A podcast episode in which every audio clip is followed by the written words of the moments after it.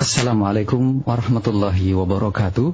Saudaraku seiman seakidah para pendengar Radio Roja dan pemirsa Roja TV di mana pun Anda Alhamdulillah di sore yang berbahagia ini kembali kita bertemu Dalam kajian pembahasan syarah Riyadus Salihin Karya Imam An-Nawawi rahimahullahu ta'ala Disampaikan secara langsung oleh Fadilatul Syekh Abdul Razak bin Abdul Muhsin Al-Badr Hafirahumullahu ta'ala bersama beliau Al-Ustaz Anas Burhanuddin MA Hafirullah yang akan menerjemahkan kajian kita masih dari bahasan bab ke-119 eh, dari kitab pakaian atau kitab libas dan alhamdulillah kita sudah mendapatkan koneksi audio dari uh, rumah beliau atau domisili beliau di kota Madinah Nabawiyah Saudi Arabia dan kita coba untuk menyapa beliau terlebih dahulu. Assalamualaikum warahmatullahi wabarakatuh ya Fadalat Syekh. Waalaikumsalam warahmatullahi wabarakatuh. Ahlan wa marhaban bikum akhi al-karim Syekh Fawaz ومرحبا بالمستمعين لهذا البرنامج شرح رياض الصالحين ونعيش الآن الأيام الأخيرة من هذا الشهر آه، المبارك الذي أوشك على الانقضاء فمر بلياليه الجميلة ولحظاته المباركة وأوقاته آه، الشريفة.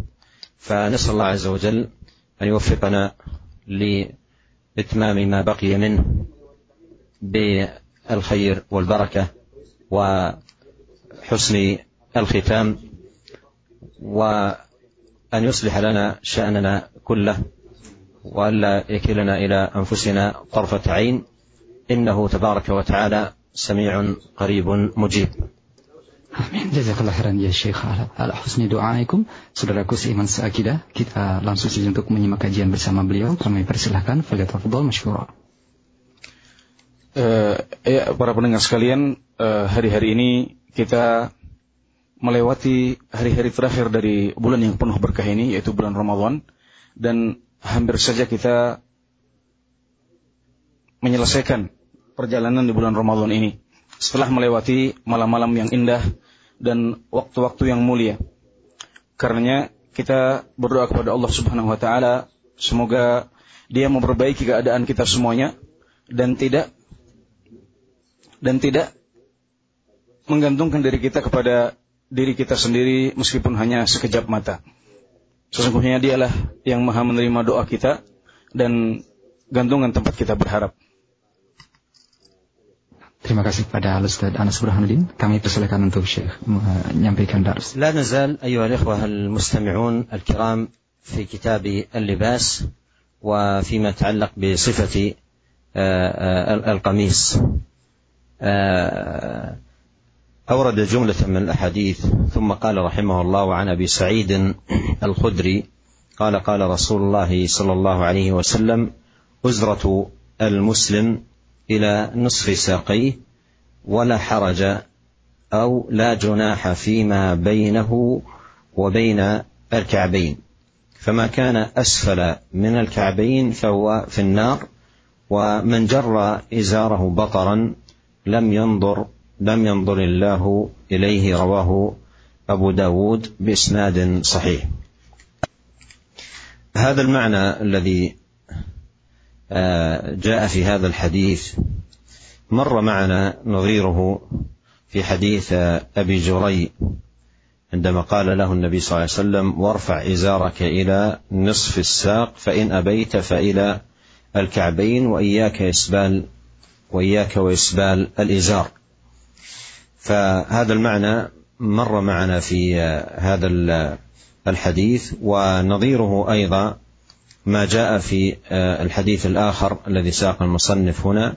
قال وعن ابن عمر رضي الله عنهما قال مررت على رسول الله صلى الله عليه وسلم وفي ازاري استرخاء. فقال يا عبد الله ارفع إزارك. فرفعته ثم قال زد. فزدت فما زلت أتحراها بعد. فقال بعض القوم آه، إلى أين؟ فقال إلى أنصاف الساقين. إلى أنصاف الساقين رواه آه، مسلم. وتأمل هنا في قوله وفي ازاري استرخاء.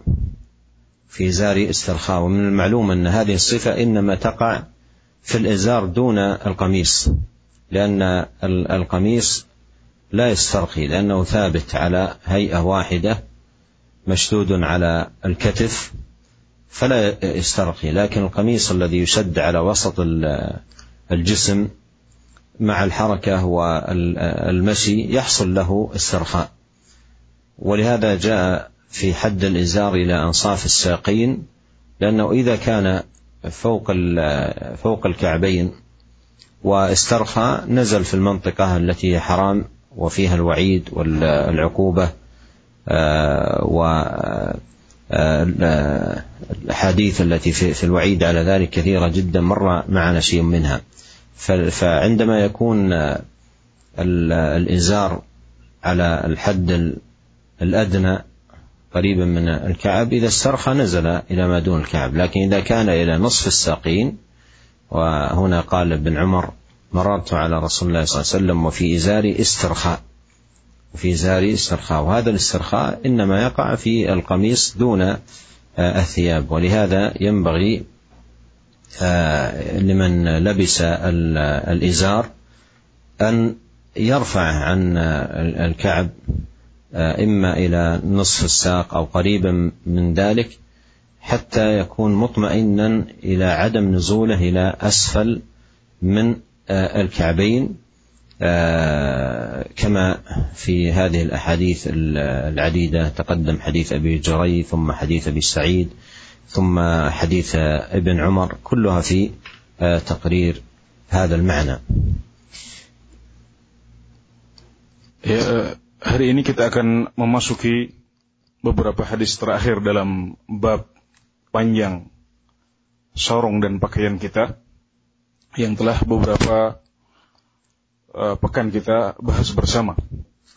Saat ini kita telah sampai kepada hadis uh, Abu Sa'id Al-Khudri radhiyallahu anhu. Beliau berkata, Rasulullah sallallahu alaihi wasallam bersabda, sarung atau pakaian bawah seorang muslim itu sampai ke pertengahan betisnya tidak apa-apa baginya untuk menurunkannya sampai sebelum dua mata kaki. Adapun yang di bawah mata kaki, maka itu akan masuk ke dalam neraka. Barang siapa yang memanjangkan sarungnya atau pakaian bawahnya dengan sombong, maka Allah tidak akan melihatnya. Ya, ini hadis diriwayatkan oleh Abu Dawud dengan sanad yang sahih. Dan hadis seperti ini Ya, maknanya telah berlalu bersama kita dalam hadis Abu Jurai, ya, Jabir bin Sulaim radhiyallahu anhu ketika Rasulullah sallallahu alaihi wasallam berkata kepada beliau, "Angkatlah sarungmu sampai pertengahan betis. Kalau kamu enggan atau tidak mau, maka hendaklah sampai sebelum dua mata kaki. Dan hindarilah olehmu isbal atau memanjangkan pakaian sampai ke bawah mata kaki karena sesungguhnya itu adalah kesombongan. Sesungguhnya itu adalah bagian dari kesombongan. Makna yang sama juga telah disebutkan dalam hadis Ibnu Umar yang diriwayatkan oleh Muslim. Bahwasanya beliau berkata, "Aku telah melewati Rasulullah sallallahu alaihi wasallam dan sarungku agak kepanjangan dan sarungku menjulur. Maka Rasulullah SAW berkata, Wahai Abdullah, angkatlah sarungmu. Maka aku pun mengangkatnya. Beliau berkata lagi, tambah lagi. Maka aku pun, aku pun menambah mengangkat sarung saya. Dan terus menambah. Sampai sebagian orang berkata, sampai mana? Sampai di mana engkau mengangkatnya? Sampai di mana kami harus mengangkatnya? Maka Rasulullah SAW mengatakan, sampai pertengahan betis. Ya, jadi istirha atau menjulur ini terjadi pada pakaian bagian bawah ya. Dan tidak terjadi pada pakaian bagian atas karena sesungguhnya pakaian bagian atas kita itu tertahan oleh pundak kita sehingga pakaian ini tidak bisa tidak bisa menjulur. Berbeda dengan sarung atau pakaian bagian bawah yang lain, ya yang diikat di bagian tengah tubuh. Sehingga saat kita bergerak maka pakaian tersebut bisa bisa menjulur ke bawah. Karenanya kalau kita memanjangkan pakaian kita ya, sampai pertengahan betis ya, tidak melewati pertengahan betis maka kita akan aman dari menjulurnya sarung kita ke daerah yang terlarang. Kalau pakaian kita sampai ke pertengahan betis, kalau seandainya kita bergerak banyak sehingga pakaian tersebut menjulur, dia akan menjulur sampai ke wilayah yang dibolehkan. Adapun kalau kita membiarkan celana atau sarung kita sampai mendekati kedua mata kaki, maka kalau kita bergerak lantas kemudian pakaian itu menjulur, dia akan menjulur dan memanjang ke wilayah yang diharamkan oleh Allah Subhanahu wa taala. Jadi e, istirkha atau menjulur ini terjadi pada sarung dan tidak terjadi pada komis dan hendaklah setiap muslim berusaha untuk mengamalkan hadis ini dengan mengangkat celananya atau sarungnya sampai ke pertengahan betis. Atau kalau tidak diturunkan sedikit. Jangan sampai terlalu ke bawah sehingga dia bisa membuatnya jatuh ke dalam keharaman yang diberikan oleh Allah Subhanahu wa taala. Jangan sampai jatuh pada hal yang diharamkan oleh Allah Subhanahu wa taala. قال رحمه الله وعنه أي بن عمر رضي الله عنهما قال قال رسول الله صلى الله عليه وسلم من جر ثوبه خيلا لم ينظر الله إليه يوم القيامة فقالت ام سلمه رضي الله عنها فكيف تصنع النساء بديولهن قال يرخين شبرا. قالت اذا تنكشف أقدامهن. قال فيرخينها فيرخينه ذراعا. لا يزدن رواه أبو داود والترمذي وقال حديث حسن صحيح. هذا الحديث أيها الإخوة المستمعون الكرام هو آخر حديث أورده المصنف رحمه الله تعالى تحت هذه الترجمة. وفيه هذا الوعيد لمن جر ثوبه خيلاء.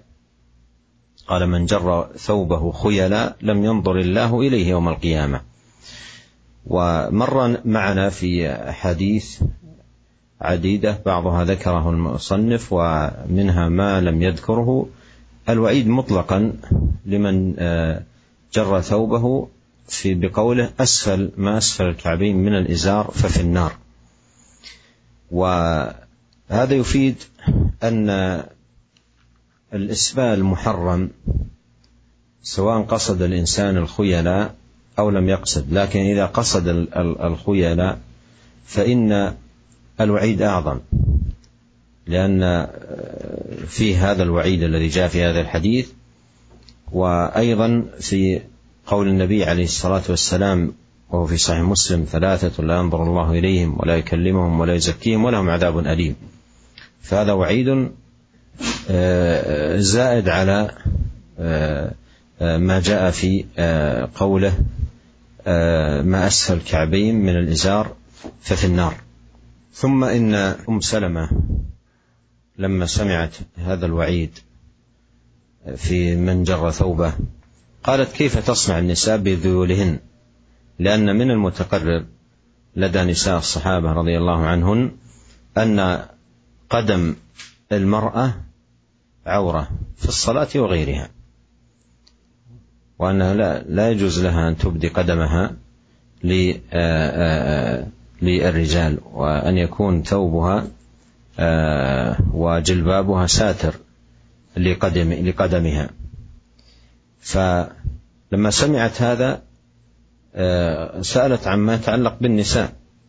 قالت كيف تصنع النساء بذيولهن؟ قال يرخين شبرا. قالت إذا تنكشف أقدامهن. حقيقة ينبغي على الأخوات المسلمات أن يقفن مع هذه المعاني الإيمانية العظيمة التي كان عليها نساء الصحابة رضي الله عنهن وأن يقارن ذلك بواقع كثير من النساء. فهذه الصحابية لما قال يرخين شبرا طلبت الزيادة مزيدا من الستر مزيدا من الستر وحذرا أن ينكشف القدم. قال إذا قالت إذا تنكشف أقدامهن. فحرصها على عدم انكشاف القدم العظيم آه هذا من عظم حياء النساء نساء الصحابة وحرصهن على الخير. فإذا نظر الإنسان إلى مثل هذا الكلام من أم سلمة وله نظائر في حياة نساء الصحابة رضي الله عنه ونظر إلى واقع آه، كثير من النساء يعني أصبح بعض النساء هداهن الله وأصلحهن وردهن إلى الحق ردا جميلا وأعاذهن من الفتن وأن يكن أداة فتنة للناس وغرضا للشيطان. أصبح بعض النساء ما تبالي في مثلا أن تكشف ساقها أو جزءا من من ساقها. بل بعض النساء يعني بلغ الحال بها مبلغا مزريا مؤلما مؤسفا أن أن كشفت إلى أكثر من الساق. يعني تبدي طرف الفخذ إضافة إلى الساعد والصدر وأعلى الظهر والشعر وهذه مصيبة هذه مصيبة عظيمة جدا. لما تنظر أنا لا أتحدث عن نساء لسنا بمسلمات بل نساء مسلمات. ولهذا بعضهن إذا حضر وقت الصلاة ذهبت إلى المصلى وأخذت الجلباب الساتر وسترت جسمها ووقفت بجسم ساتر بين يدي الله تصلي وتناجي الله وتطلب رحمته. ثم إذا انقضت من صلاتها رجعت إلى تلك الألبسة المخزية المسخطة لله سبحانه وتعالى التي فيها من المخالفة والجرأة على السفور ما هو خطير جدا. ولهذا ينبغي حقيقة أن تستفيد المرأة المسلمة فائدة عظيمة وإذا كان عندها شيء من هذه المخالفة عليها أن تتقي الله عز وجل وأن تتوب إليه ولا تلتفت إلى ما يريده منها من لا خلق لهم أو لا هم لهم في رضا الله سبحانه وتعالى بل يكون منشودها ومطلوبها في هذه الحياة أن يرضى عنها رب العالمين وأن تكون محتشمة وأن تكون حية وأن تكون معتنية بالستر والحشمة فتفوز فوزا عظيما برضا ربها سبحانه وتعالى. والله جل وعلا يقول ورضوان من الله أكبر عندما يرضى الله جل وعلا عن المرء ويحبه فهذه هي الغنيمة. أي هذه الغنيمة.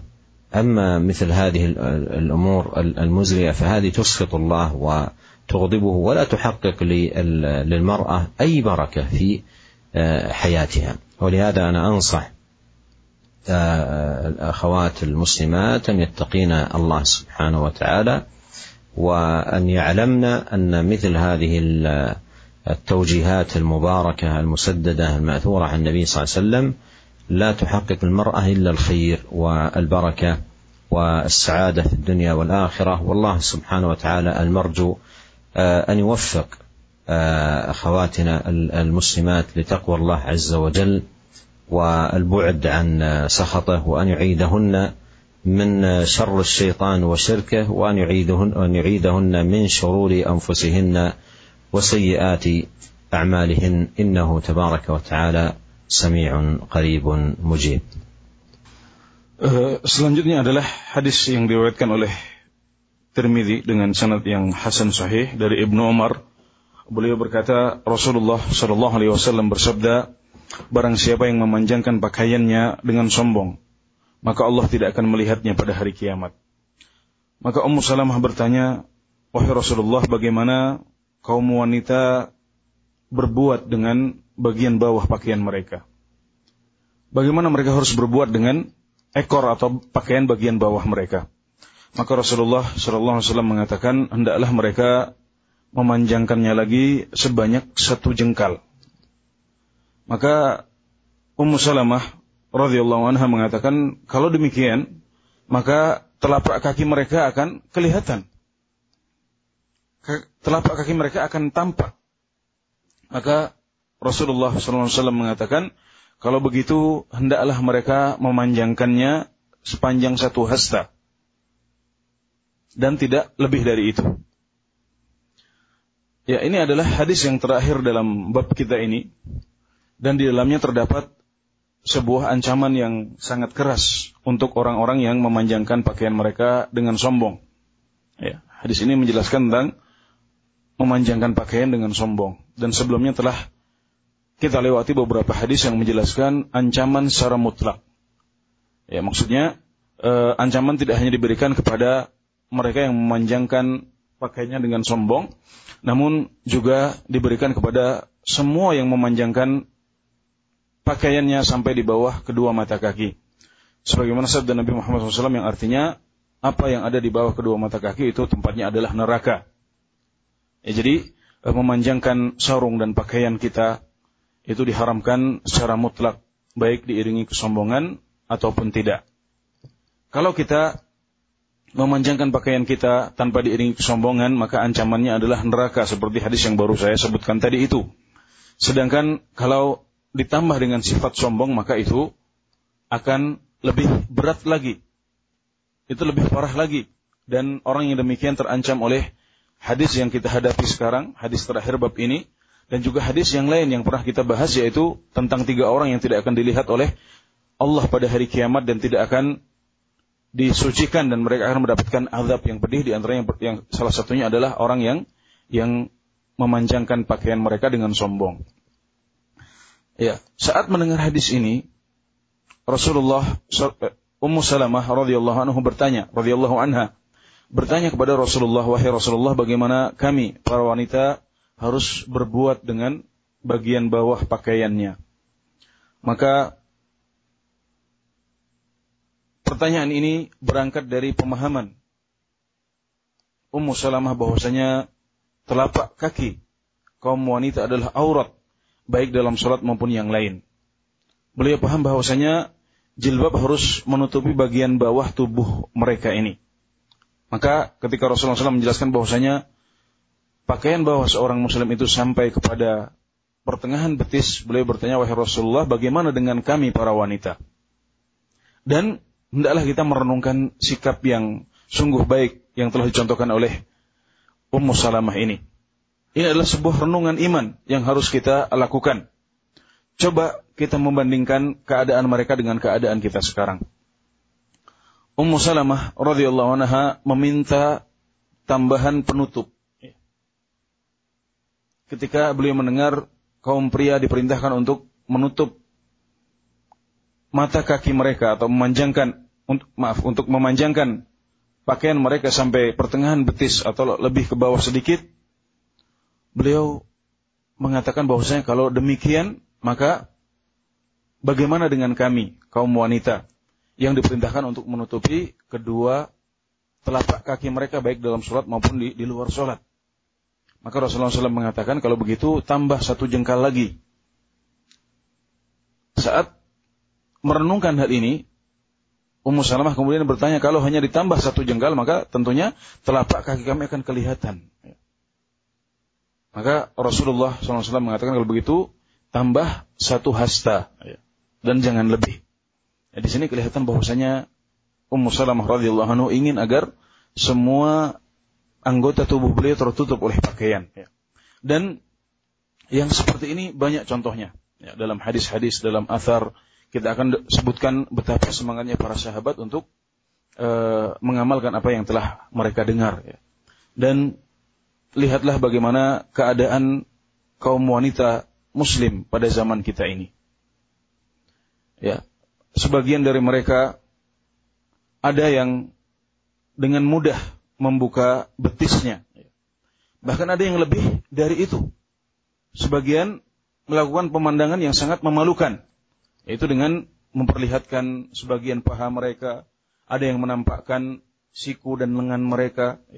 Bahkan menampakkan dada mereka atau bagian atas punggung mereka. Apalagi rambut-rambut mereka. Kita berdoa semoga Allah Subhanahu wa taala mengembalikan mereka semuanya ke dalam kebenaran dan menjaga mereka dari segala fitnah yang bisa menggoda mereka. Dan apa yang kita sebutkan tadi itu bukanlah tentang kaum wanita yang non muslim. Bukan tentang para wanita kafir. Namun kita berbicara tentang kaum muslimat. Ya. Kaum wanita dari kalangan umat Islam.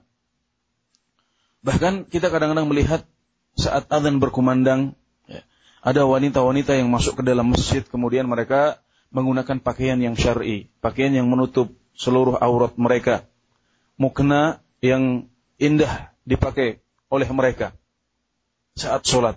Namun sayangnya kemudian saat mereka keluar dari masjid mereka kembali memakai pakaian yang yang sungguh memalukan. Ya ini semuanya adalah sebuah keberanian dalam melanggar aturan Allah Subhanahu wa taala, keberanian dalam membuka aurat yang bisa membawa mereka kepada murka dari Allah Subhanahu wa taala. Hendaklah kaum mukminat ini tidak mempedulikan tekanan atau permintaan dari orang-orang yang tidak punya bagian dari pahala akhirat ya, yang memerintahkan dan menuntut mereka untuk membuka aurat saat bekerja atau di tempat yang lain. Hendaklah mereka memperhatikan ridho Allah Subhanahu wa taala. Hendaklah mereka mengejar ridho dari Tuhan yang telah menciptakan kita semuanya. Hendaklah mereka memakai pakaian yang sopan, ya, pakaian yang menunjukkan rasa malu yang besar dan pakaian yang menutup seluruh aurat yang telah diperintahkan oleh Allah Subhanahu wa taala. Dan Allah taala berfirman yang artinya dan ridho dari Allah itu lebih besar. Kami nasihatkan juga hendaklah mereka semuanya bertakwa kepada Allah Subhanahu wa taala.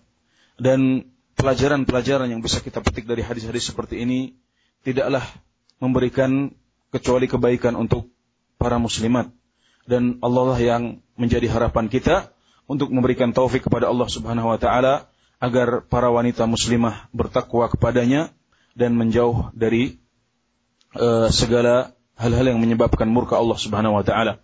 Kita doakan juga semoga Allah Subhanahu wa taala melindungi mereka dari kejahatan setan dan dari kejahatan diri mereka sendiri.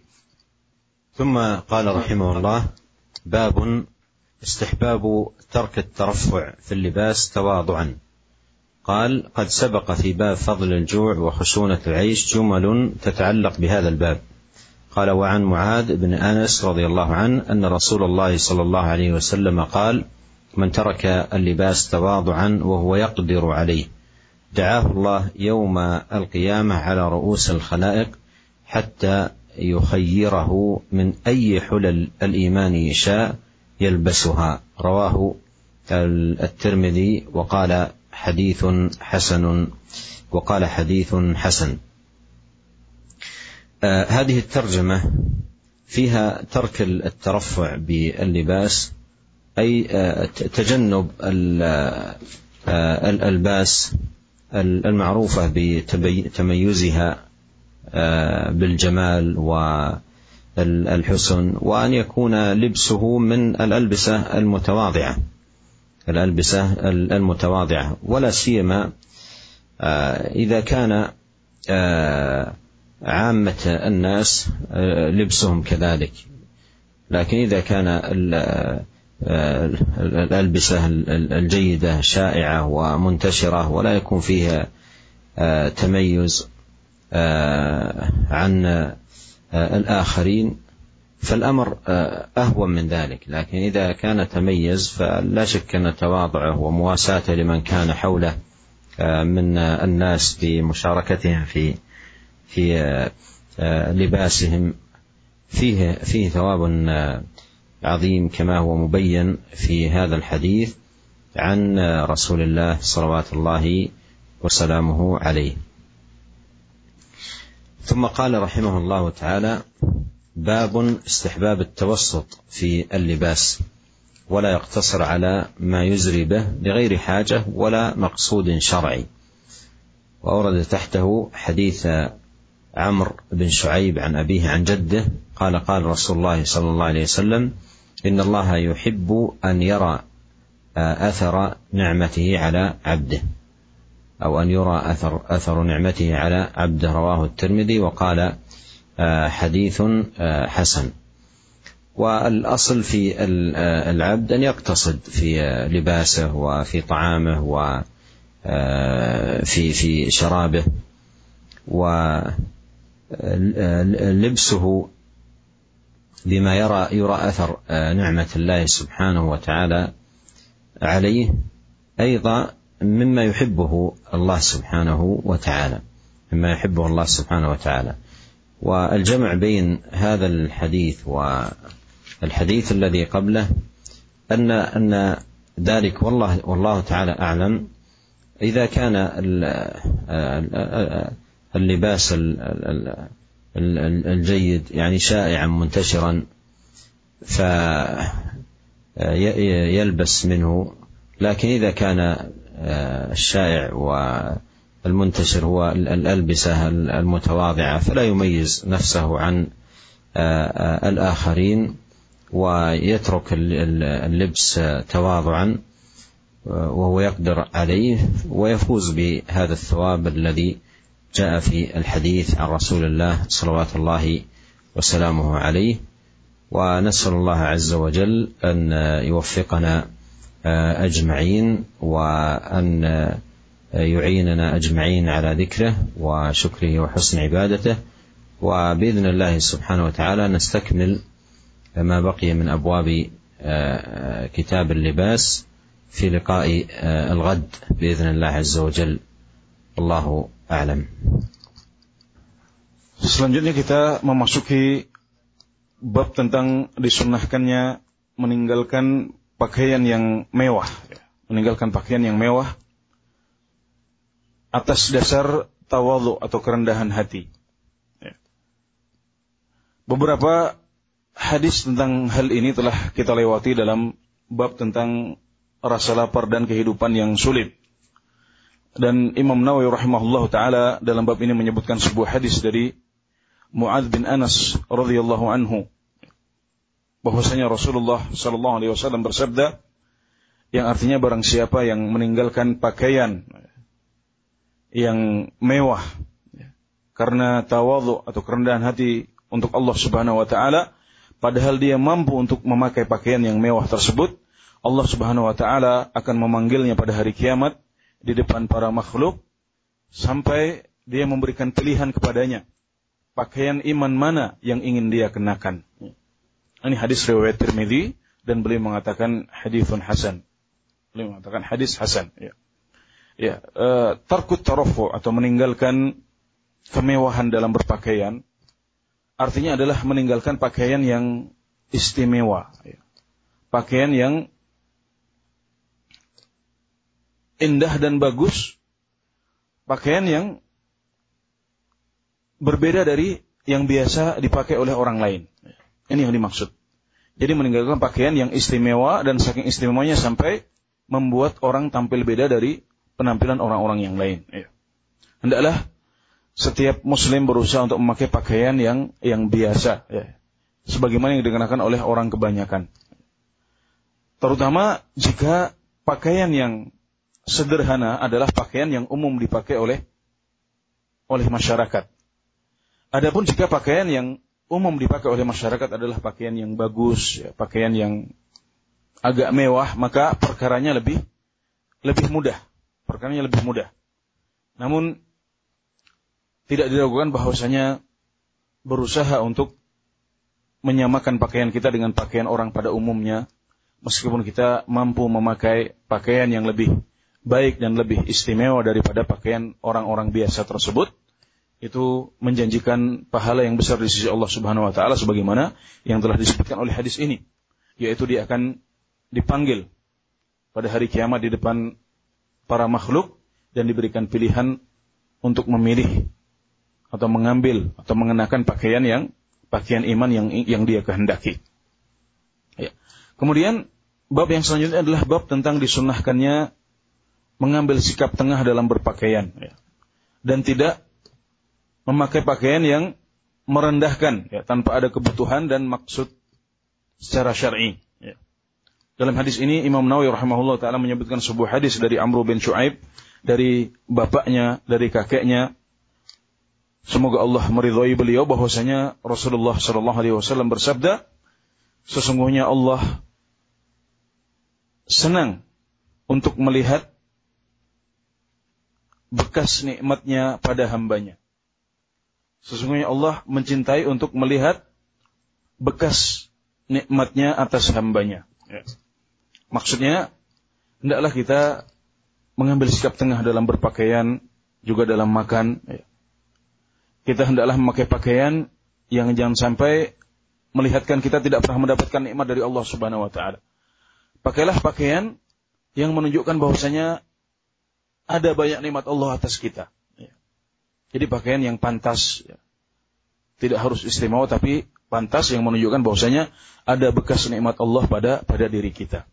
Karena Allah Subhanahu wa taala senang dan cinta untuk melihat bekas nikmatnya atas hambanya. Ya. Jadi bab yang tadi memerintahkan kita atau menganjurkan kita untuk meninggalkan pakaian yang mewah dan istimewa. Sementara bab yang sekarang hadisnya menjelaskan tentang disunahkannya untuk mengambil sikap tengah. Ya. Dan kita bisa kumpulkan antara dua hadis ini dengan mengatakan bahwasanya jika pakaian yang umum dipakai oleh masyarakat adalah pakaian yang sederhana, adalah maaf adalah pakaian yang mewah, pakaian yang istimewa, maka tidak masalah bagi kita untuk memakai pakaian sebagaimana yang umum dipakai oleh masyarakat kita. Adapun jika pakaian yang umum dipakai oleh masyarakat adalah pakaian yang sederhana atau bahkan uh, kurang, maka adalah kita tidak membedakan diri kita dari mereka dengan memakai pakaian-pakaian yang indah dan mewah. Dan hendaklah kita meninggalkan pakaian-pakaian seperti itu meskipun kita mampu. Ya, meskipun kita mampu dan hendaklah kita mengharapkan pahala dari Allah Subhanahu wa taala seperti yang telah disebutkan dalam dalam hadis e, bab tentang meninggalkan pakaian yang mewah tadi. Ya, akhirnya kita berdoa kepada Allah Subhanahu wa taala semoga ini semuanya bermanfaat dan semoga Allah Subhanahu wa taala memberikan kita taufik untuk senantiasa bisa berzikir, menyebut dan memujinya serta semoga semoga kita bisa menjalankan ibadah dengan dengan sebaik mungkin.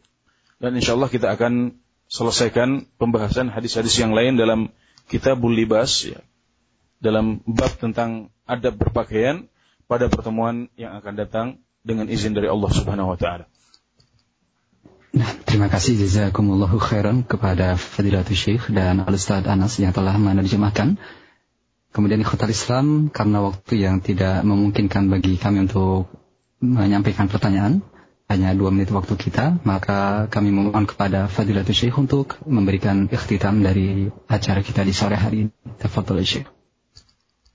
في ختام هذا اللقاء أسأل الله عز وجل أن ينفعنا أجمعين بما علمنا وأعيد التأكيد لأخواتي المسلمات أن يتنبهن للمعاني العظيمة في أحاديث الرسول عليه الصلاة والسلام فيما يتعلق بالحجاب. نعم بعض النساء ابتليت بتغير من خلال الأفلام أو المشاهدات أو التمثيليات أو أمور من هذا القبيل لكن العود إلى الحق هو الحميد وهو الذي يفوز فيه المرء وتفوز فيه المسلمة بالعاقبة الحميدة في الدنيا والآخرة أسأل الله عز وجل أن يصلح أحوالنا أجمعين وأن يردنا إليه ردا جميلا إنه سميع قريب مجيب والسلام عليكم ورحمة الله وبركاته Waalaikumsalam warahmatullahi wabarakatuh. Jazakallah khair. Di akhir kajian ini kita berdoa semoga Allah Subhanahu wa taala memberikan manfaat atas apa yang telah kita pelajari bersama pada kesempatan sore hari ini dan saya menekankan kepada para saudari sekalian kaum muslimat untuk memperhatikan makna-makna yang agung yang dikandung oleh hadis-hadis yang telah kita bahas bersama terutama tentang aurat dan pakaian wanita ya, ya. kita mengetahui bahwasanya ada sebagian saudari-saudari kita yang terpengaruh oleh eh, film-film uh, ya, oleh sinetron dan telenovela sehingga sampai mereka berpakaian sedemikian memalukan. Namun bagaimanapun kembali kepada kebenaran itu lebih baik dan kita berdoa semoga Allah Subhanahu wa taala mengembalikan kita dan mereka semuanya uh, kepada agama yang hak, kepada hidayah Allah Subhanahu wa taala dan dialah harapan kita, dialah yang maha mendengar dan menjawab doa-doa kita. Wassalamualaikum warahmatullahi wabarakatuh.